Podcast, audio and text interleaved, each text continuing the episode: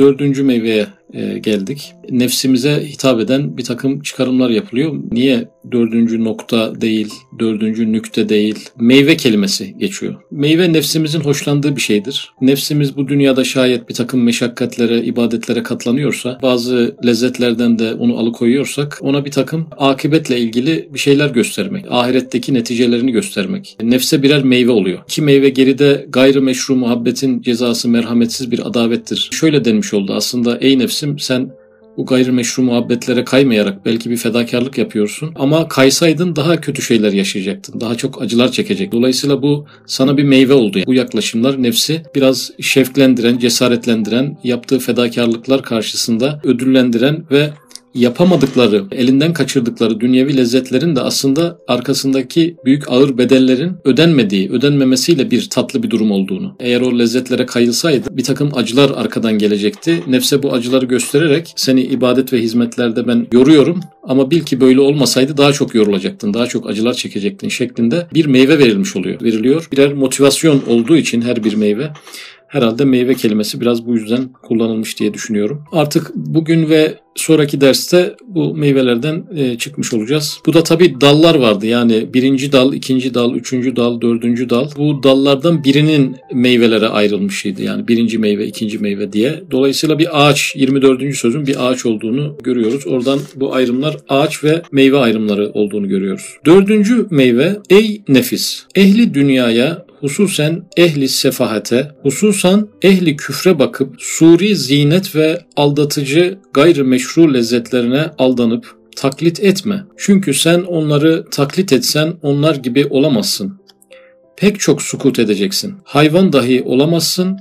Çünkü senin başındaki akıl meş'um bir alet olur, senin başını daima dövecektir. Yani nefsimize bu dünyada mahrum olduğu bir takım hazlardan e, mahrum olmasının katkılarını, nefsimize olan katkılarını izah etmeliyiz ki nefsimiz de bunlardan uzak durmuş olmaktan bir kendine bir motivasyon elde etsin. Burada öyle bir motivasyon veriliyor. Ey nefis diyor. Ehli dünyaya bakma diyor. Ehli dünyaya özenme. Onları taklit etme. Yani ehli dünya kimdir? Bu kategoriye Müslümanlar da müminler de girer. Yani ehli dünyada ahiret duygusu zayıf, sırf dünya için yaratılmış gibi sürekli dünyaya çalışan, bütün gayretlerini, emeklerini, çabalarını hep e, dünya hayatına e, sarf eden, dünyanın imarı için elinden geleni yapıp ahiretin imarı için yüksünen, işte Çocukları varsa şayet e, güzel bir okul kazansın diye bütün emeklerini, maddi, manevi bütün masraflardan kaçınmayıp ama onun bir namazını, niyazını, evrad eskarını katlayan o ciddiyetle ele almayan, dinin şayet dünyaya bir katkısı varsa o anlarda faydalanan, hani bereket gibi, israf etmemek gibi,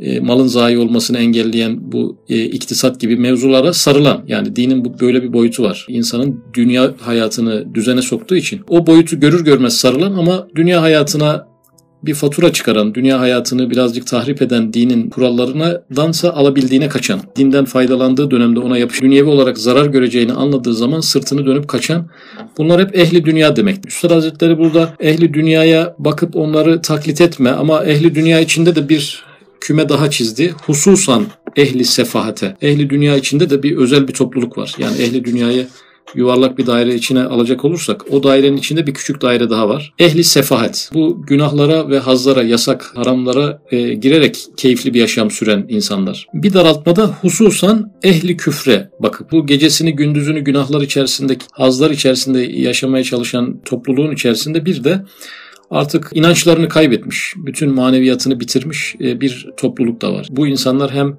maneviyattan yoksun hem hiçbir inanç e, işlerinde artık kalmamış. İşi gücü gününü gün etmek, e, keyifli bir hayat yaşamak, yarını düşünmeden sadece bugünün hazlarına odaklı yaşayan bir topluluk. Şimdi onlara bakıp suri zinet ve aldatıcı gayrimeşru lezzetlerine aldanıp taklit etme. Suri zinet yani dışarıdan süslü hayatları var. Suri zinet. Suri ne demek? Yani görünüşte süslü, tasarımlı, güzel, estetik hayatlar bunlar. Ama arka planında öyle değil. Suri kelimesi kullanıldığına göre. Suri zinet ve aldatıcı gayrimeşru lezzetlerine aldanma. Lezzetleri de aldatıcı. Biz onları seyrederken lezzeti alırken seyrediyoruz onları.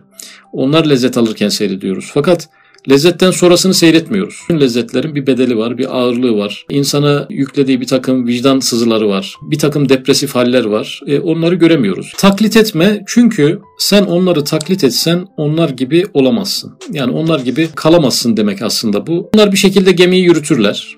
Onlar bu hayata alışmışlardır. O hayat onların artık standardı olmuştur. Sen de onlara özenme. Zannetme ki onlar gibi bu o hayatı öyle sürdürebilirsin e, gibi düşünme. Müslüman coğrafyanın batılı kültüre özenmesi, e, onların teknik ve teknolojik bilgilerini alacağını onların sürekli giyimine, kuşamına, bir takım gündelik alışkanlıklarına özenmesi, onların tarzlarına göre e, ayarlamaya çalışıp fakat onların laboratuvarlarından, bilgilerinden, e, araştırmalarından faydalanmayıp sadece e, dış ambalajlarından faydalanma çabası, televizyonların ve internetin etkisiyle tamamen batıya benzeyen bir kültür. Fakat nedense batıdan bize fayda sağlayacak e, teknik ve teknoloji noktasında da bir türlü onlardan bir şey almama, e, bu konuda yüksünüp erinme gibi bir problemle e, karşı karşıyayız. Pek çok sukut edeceksin. Hayvan dahi olamazsın. Yani bu cümleye niye geçti? Ben de hayvan gibi olurum. Hayvan nasıl geçmişi geleceği düşünmüyorsa ben de geçmişi ve geleceği düşünmeyerek o kültürü yaşamaya çalışırım. Ben bunu başarırım yani. Ben de günü gün eden bir insan olmayı başarırım. Biyolojik e, bir yaşam sürmeyi ben de başarırım. Biyolojik bir canlı gibi. Böyle düşünme diyor. Çünkü olamazsın. Neden? Çünkü senin başındaki akıl meş'um bir alet olur. Senin başını daima dövecektir. Sen o kültürü taklit edersen, eğlence kültürü içinde yaşamayı onlar başarıyorlar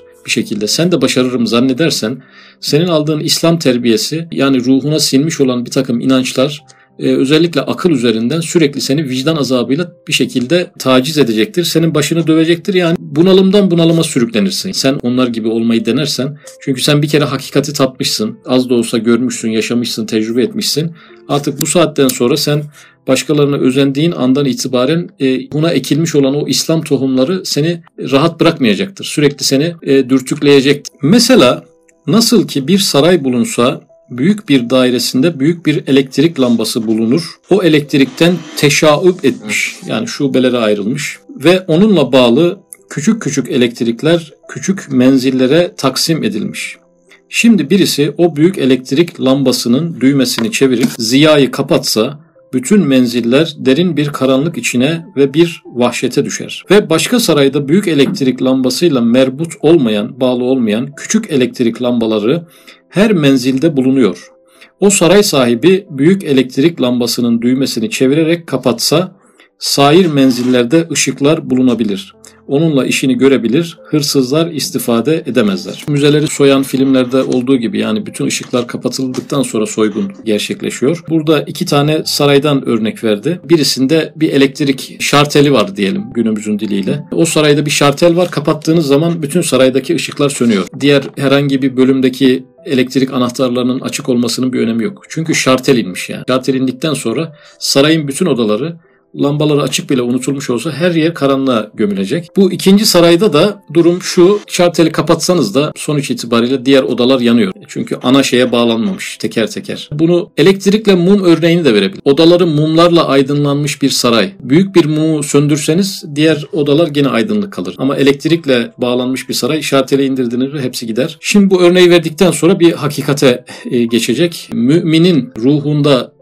ışıklar sönerse ne olur? Müminin ruhunda bir ışık sönmesi şartel inmesi gibi. Bütün faziletleri, bütün insanlığı, bütün erdemleri birden söner. İnancını kaybettiği noktada normal düz insan gibi de kalamaz. Bir mümin imanını yitirdiği anda normal kalamaz. Fakat başka bir e, dünyada hakiki imanı zaten elde edememiş insanların şartelinin inmesi çok bir şey değiştirmez. Onlar yine merhametli olabilirler, yine şefkatli olabilirler. Faziletleri yine sürdürebilirler. O tür eğlenceleriyle, günahlarıyla, zevkü sefasıyla beraber yaşayabiliyorlar.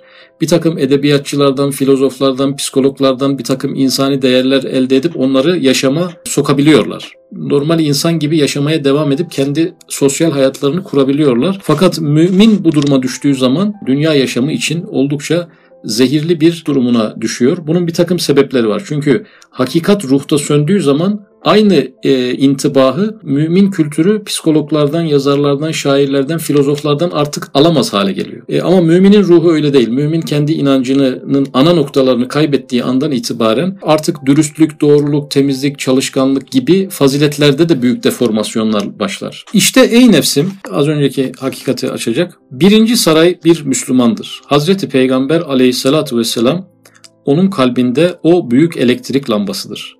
Eğer onu unutsa, kimi unutsa Hazreti Peygamber aleyhissalatü vesselam'ı. El iyazu billah Allah korusun kalbinden onu çıkarsa, Efendimiz Aleyhisselatü Vesselam'ı kalbinden çıkarsa, soğusa, Efendimiz Aleyhisselatü Vesselam'dan soğumuş bir mümin düşünelim. Yani kalbi o sıcaklığını kaybetmiş, sempatisini yitirmiş ve hatta bir takım vesveseler sebebiyle antipati durumuna gelmiş kalbinden çıkarsa. Hiçbir peygamberi daha kabul edemez, belki hiçbir kemalatın yeri ruhunda kalamaz. Demek ki ruhumuzda kemalatların yeri varmış. O yerler de artık kalamaz. Hatta Rabbini de tanımaz. Biz şunu diyebiliriz. E, olabilir yani peygamberinden soğumuş ama Rabbini seviyor. Böyle bir şey olamaz bir Müslüman için çünkü Rabbini o peygamberiyle tanımış. Efendimiz Aleyhisselatü Vesselam'la tanımış. Rabbini nereden bilecekti yani? Vasıflarını, esmasını, sıfatını, tecelliyatını, şuunatını nereden bilecekti? Her şeyini Hazreti Peygamber Aleyhisselatü Vesselam'dan öğrenmiş olduğu için Hazreti Peygamber aleyhissalatü vesselama bir kalp soğukluğu Rabbini tanımamaya, e, Rabbinin otoritesini tanımamaya, Rabbini gündeminden ve odağından çıkarmayla neticelenir. İslam dininin içine o kadar sirayet etmiştir e, peygamber inancı. Mahiyetindeki bütün menziller ve latifeler karanlığa düşer ve kalbinde müthiş bir tahribat ve vahşet oluyor. Acaba bu tahribat ve vahşete mukabil hangi şeyi kazanıp ünsiyet edebilirsin? Hazreti Peygamber aleyhissalatü vesselam getirdiği İslam diniyle ruhumuzun her tarafına tohumlar ekmiştir. Biz farkında olalım veya olmayalım. Bu tohumlar çürüyünce e, vücudun her tarafı birden çürür. Çünkü her yere ekilmiş tohumlar. Dolayısıyla bu büyük tahribatı hangi yazarla, hangi şairle, hangi filozofla, hangi beşer düşüncesiyle, e, hangi alışkanlık türüyle bu tahribat giderilebilir? Hangisiyle biz yaşamda kendimizi normalleştirebiliriz? Hangi menfaati bulup o tahribat zararını onunla tamir edersin. Ee, Müslüman kalbi bozulunca tabii bunlara yöneliyor. Orada bir lezzet bulabilir miyim? O bir insaniyet yaşayabilir miyim? Fakat hakikaten onun ruhuna ekilen tohumlar İslami tohumlarsa zamanında o tohumlar onu rahat bırakmayacaktır. O topluluklar içerisinde en huzursuz kişi o olacaktır. Oradan bir lezzet alması mümkün olmayacaktır. Başkaları keyifli bir şekilde o atmosferleri sürdürürken imanın tadını öncelerden almış bu kişi bu lezzeti ve tadı oralarda bulamayacak. Sürekli vicdan azabı içerisinde kalacaktır. Çünkü ruhundaki tohumların çürümesi onun manevi e, anatomisini kanser haline, her tarafını metastas yapmış bir halde çökerteceğinden dolayı o buralardan bir haz ve lezzet alamayacaktır. Halbuki ecnebiler o ikinci saraya benzerler ki Hazreti Peygamber aleyhissalatü vesselamın nurunu kalplerinden çıkarsalar da kendilerince bazı nurlar kalabilir veya kalabilir zannederler. Kendi içinden çıkardıkları filozoflar, edebiyatçılar, yaşam koçları, psikologlar, Onlardan birine tutunup kendine hayatta bir e, inanç e, ikamesi yapabilir. İnanç olmayan bir şeyi inançmış gibi yaşayabilir. Bunu da sürdürebilir. Burada da çok büyük bir vicdan azabı çekmezler. Çünkü zaten hakikati nüfuz e, söz konusu olmadığı için önceden bu onların ruhlarını kanser hale getirmez. Onların manevi kemalat-ı ahlakiyelerine medar olacak Hazreti Musa ve İsa aleyhisselama bir nevi imanları ve halıklarına bir çeşit itikatları kalabilir. Hazreti Musa ve Hazreti İsa aleyhisselama hürmet ve alakalarını muhafaza edebilirler. Çünkü onların saraylarında devreler birbirine bağlı değil. Bir tane büyük de olsa bir şarteli kapatmış oluyorlar ama Hazreti Musa'nın mumları, Hazreti İsa'nın mumları yandığından dolayı orada kendilerince bir aydınlık e, elde etmeleri söz konusu olabilir. Ama burada Rab ismi kullanılmadı. Haliklarına itikatları olabilir. Yani Rab isminde bir rububiyet, uluhiyet, ubudiyet kavramları üzerinden e, Müslümanın artık Rabbini de tanıyamaması, onunla artık irtibat kuramaması mevzu bahis olmuştu. Ecnebilerin Hazreti Peygamber'i kabul etmemeleri karşısında sürdürebilecekleri inancın halıklarına olan itikat. Halık ayrı bir şey, Rab ayrı bir Halıklarına olan itikat ne demek? Kainatın yaratıcısı, halık yaratan demek. Cenab-ı Hakk'ın yaratıcı vasfı üzerinden ilişkilerini sürdürebilirler. Yani deizmde olduğu gibi. Deizmde ne var? Kainatı yaratan bir ilah var.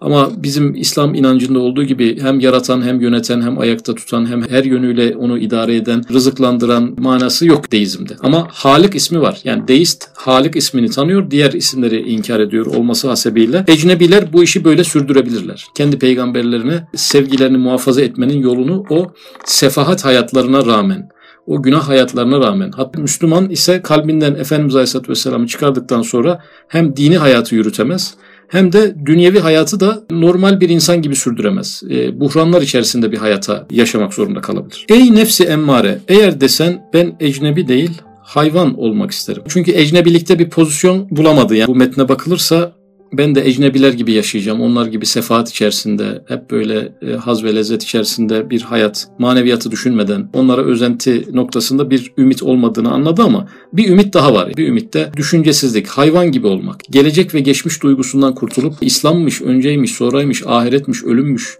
e, onları düşünmeden. Sana kaç defa söylemiştim. Neden Üstad Hazretleri daha önceki söylemlerini de burada hatırlattı? Sana kaç defa söylemiştim hayvan gibi olamazsın. Demek ki nefsimize e, olan telkinler tekrar istiyor. Nefsimiz bize bir hakikati keşfettirmek, ondan sonra da nefsimizin ıslah olmasını beklemek e, realist bir durum değil. Sürekli telkin isteyen, belki günlük telkin isteyen, belki haftalık telkin isteyen, belki döne döne e, aynı mesajların iletilmesi gereken, ona tekrar gerekiyor. Sana kaç defa söylemiştim, hayvan gibi olamazsın. Zira kafandaki akıl olduğu için o akıl geçmiş elemleri ve gelecek korkuları tokadıyla senin yüzüne, gözüne, başına çarparak dövüyor. İnsan nefsinin isteği ben hep hazlar lezzetler içerisinde ekranlarda gördüğüm hayat gibi bir hayat yaşayayım. Dini sorumlulukları da hepsini iptal edeyim bir 35-40 yıl böyle yaşayayım sonra yaşlanınca bakarız ben böyle bir hayat yaşarım diyen bir insan için akıl gibi bir engel var. Bu akıl bir türlü rahat bırakmayacak. Hem geçmiş acıları sürekli hatırlatacak hem gelecek kaygıları hatırlatacak hem ölümün ensemizde olduğunu hatırlatacak hem bir takım ahiretle alakalı bedelleri hatırlatacak. Susturamayacağız onu bir türlü. Susturamayınca da hayvanların elde ettiği lüksü elde edemeyeceğiz. Onlar bizim için çok özenilecek bir durumda kalacaklar. Çünkü hayvan bir lezzet alınca yarınki problemleri, önümüzdeki hafta bekleyen plan projeleri, işte işte bir sene sonraki riskleri falan düşünmediğinden, geçmişte bir takım acı hatıralar yaşamış olsa bile onları da düşünmediğinden dolayı ne yiyorsa ne içiyorsa maksimum bir lezzet alıyor. İnsan yarın bir sınavı bile olsa bugün e, içtiği çayın tadını tam alamamaya başlayan bir varlık. Bir lezzet içinde bin elem katıyor. Hayvan ise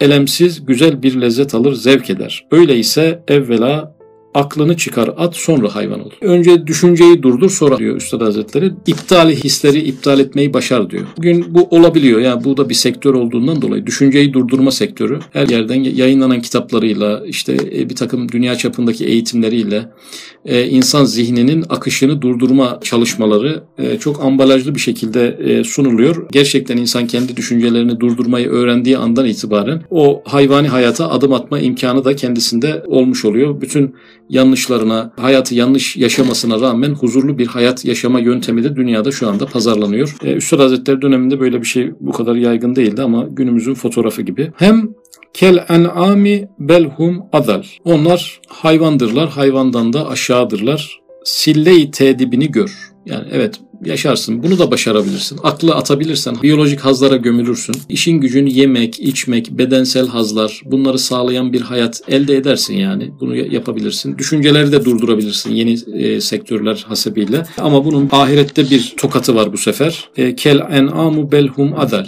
Yani orada artık hayvan mertebesini bile elde edemezsin. E, hayvanlara bile özenebileceğin bir e, ebedi bir hüsran yaşarsın.